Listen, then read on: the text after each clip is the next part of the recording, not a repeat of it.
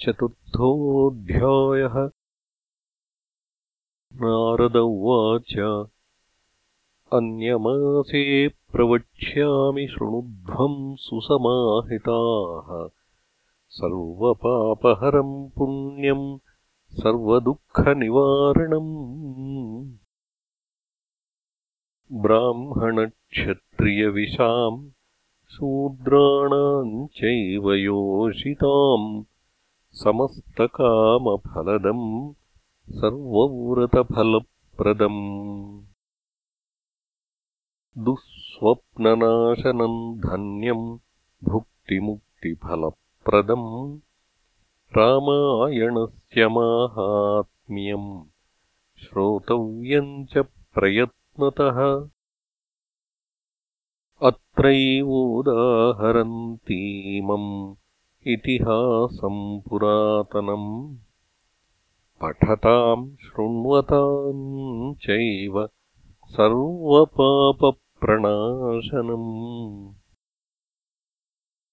विन्ध्याटव्यामभूदेकः कलिको नामलुब्धकः परदारपरद्रव्यहरणे। सततम् रतः परनिन्दापरो नित्यम् जन्तुपीडाकरस्तथा। हतवान् ब्राह्मणान् गाश्च शतशोऽथसहस्रशः देवस्वहरणे नित्यम् परस्वहरणे तथा तेन पापान्यनेकानि कृतानि सुमहान्ति च। न तेषाम् शक्यते वक्तुम् सङ्ख्यावत्सरकोटिभिः। स कदाचिन्महापापो जन्तूनामन्तकोपमः सौवीरनगरम् प्राप्तः सर्वैश्वर्यसमन्वितम् योषिद्भिर्भूषिताभिश्च सरोभिर्विमलोदकैः अलङ्कृतम् विपणिभिः ययौ देवपुरोपमम् तस्योपवनमध्यस्थम् रम्यम् केशवमन्दिरम् छादितम् हेमकलशैः दृष्ट्वा व्याधो मुदम् ययौ।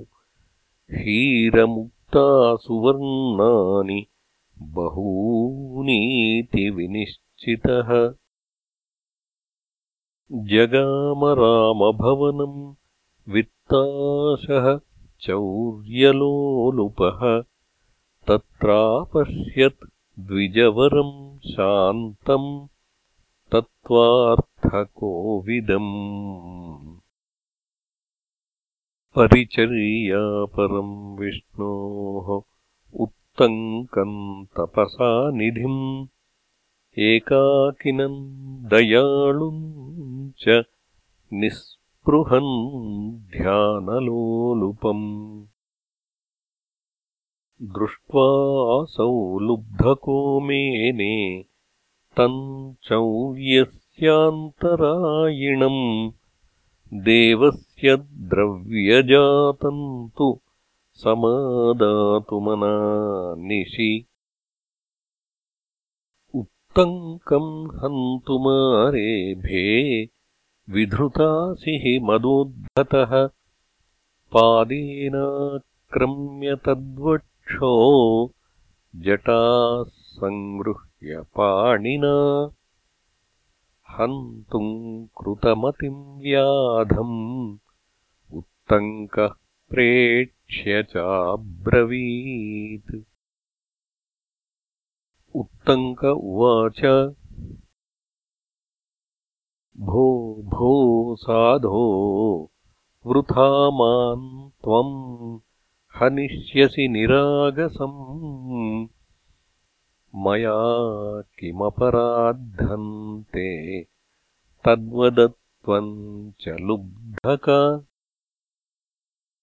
कृतापराधिनो लोके हिंसाम् कुर्वन्ति यत्नतः न हिंसन्ति वृथा सौम्य सज्जना अप्यपापिनम्।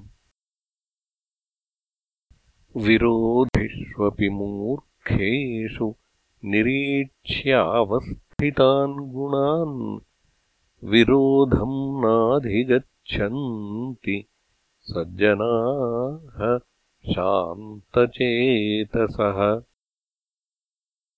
बहुधा वाच्यमानोऽपि यो नरः क्षमयान्वितः तमुत्तमम् नरम् प्राहुः विष्णोः प्रियतरम् तथा। सुजनो नयाति वैरम् परहितनिरतो विनाशकालेऽपि छेदेऽपि चन्दनतरुः सुरभयति मुखम् कुठारस्य।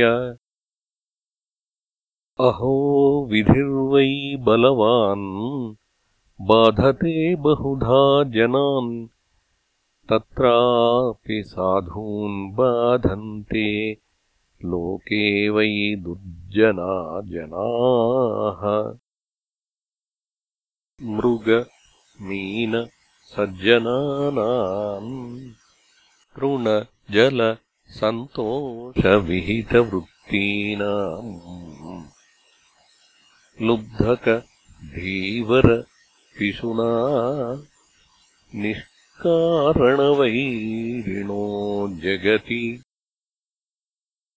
अहो बलवती माया मोहयत्यखिलम् जगत् पुत्रमित्रकळत्राद्यैः सर्वदुःखेन योज्यते। परद्रव्यापहारेण कळत्रम् पोषितम् च तत्। अन्ते तत्सर्वमुत्सृज्य एक एव प्रयाति वै। मम माता मम पिता मम भार्या मम आत्मजाः ममेदमिति जन्तूनाम् ममता बाधते वृथा। यावदर्जयति द्रव्यम् तावदेव हि बान्धवाः धर्माधर्मौ सहैवास्ताम् इहामुत्र च नापरः अर्जितम् तु धनम् सर्वे भुञ्जते बान्धवाः सदा। सर्वे स्वेकतमो मूढः तत्पापफलमश्नुते। इति ब्रुवाणन्तम् ऋषिम् विमृश्य भयविह्वलः कलिकः प्राञ्जलिः प्राह क्षमस्वेति पुनः पुनः तत्सङ्गस्य प्रभावेण हरिसन्निधिमात्रतः गतपापो लुब्धकश्च सानुतापो भवद्ध्रुवम् मया कृतानि कर्माणि महान्ति सुबहूनि च तानि सर्वाणि नष्टानि। विप्रेन्द्र तव दर्शनात्। अहम् वै पापकृन्नित्यम् महापापम् समाचरम्। कथम् मे निष्कृतिर्भूयात्? कम् यामि शरणम् विभो पूर्वजन्मार्जितैः पापैः लुब्धकत्वमवाप्नुवम्। अत्रापि पापजालानि कृत्वा काम् गतिमाप्नुयाम् इति वाक्यम् समाकर्ण्य कलिकस्य महात्मनः उत्तङ्को नाम विप्रर्षिः वाक्यम् चेदमथाब्रवीत्। उत्तङ्क उवाच साधु साधु महाप्राज्ञ मतिस्ते विमलोज्ज्वला यस्मात् संसारदुःखानाम् नाशोपायमभीप्ससि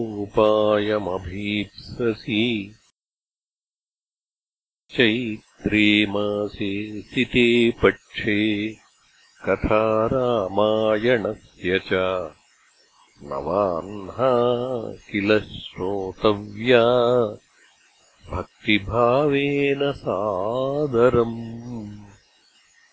यस्य श्रवणमात्रेण सर्वपापैः प्रमुच्यते तस्मिन् क्षणे सौ कलिको लुब्धको वीतकल्मषः। रामायणकथाम् श्रुत्वा सद्यः पञ्चत्वमागतः। उत्तङ्कः पतितम् वीक्ष्य लुब्धकम् तम् दयापरः एतत् दृष्ट्वा विस्मितश्च हस्तौषी कमलापतिम् कथाम् रामायणस्यापि श्रुत्वा ताम् वीतकल्मषः दिव्यम् विमानमारुह्य मुनिमेतदथाब्रवीत् कलिक उवाच उत्तङ्कमुनिशार्दूल गुरुस्त्वम् मम सुव्रत। विमुक्तः त्वत्प्रसादेन महापातकसङ्कटात्। ज्ञानम् त्वदुपदेशान्मे सञ्जातम् मुनिसत्तम। तेन मे पापजालानि विनष्टान्यतिवेगतः। रामायणकथाम् श्रुत्वा मम त्वान्मुक्तवान्मुने प्रापितोऽस्मि त्वया यस्मात् तद्विष्णोः परमम् पदम्। त्वयाहम् कृतकृत्योऽस्मि गुरुणा करुणात्मना। तस्मान्नतोऽस्मि ते विद्वन् यत्कृतम् तत् क्षमस्व मे सूत उवाच। इत्युक्त्वा देवकुसुमैः मुनिश्रेष्ठमवाकिरत् प्रदक्षिणत्रयम् कृत्वा नमस्कारम् चकारसः ततो विमानमारुह्य सर्वकामसमन्वितम् अप्सरोगणसङ्कीर्णम् प्रपेदे हरिमन्दिरम्। तस्मात् शृणुध्वम् विप्रेन्द्राः कथान् रामायणस्य च चैत्रमासे सिते पक्षे श्रोतव्यम् च प्रयत्नतः। नवाह्ना किल रामस्य रामायणकथामृतम्। तस्मात् ऋतुषु सर्वेषु हितकृत् हरिपूजकः ईप्सितम् मनसा यद्यत् तदाप्नोति न संशयः। सनत्कुमारैः यत् पृष्टम् तत्सर्वम् गदितम् मया। रामायणस्य माहात्म्यम् किमन्यत् श्रोतुमर्हसि इति श्रीस्कन्दपुराणे उत्तरखण्डे नारदसनत्कुमारसंवादे रामायणमाहात्म्ये चैत्रमासफलानुकीर्तनम् नाम चतुर्थोऽध्यायः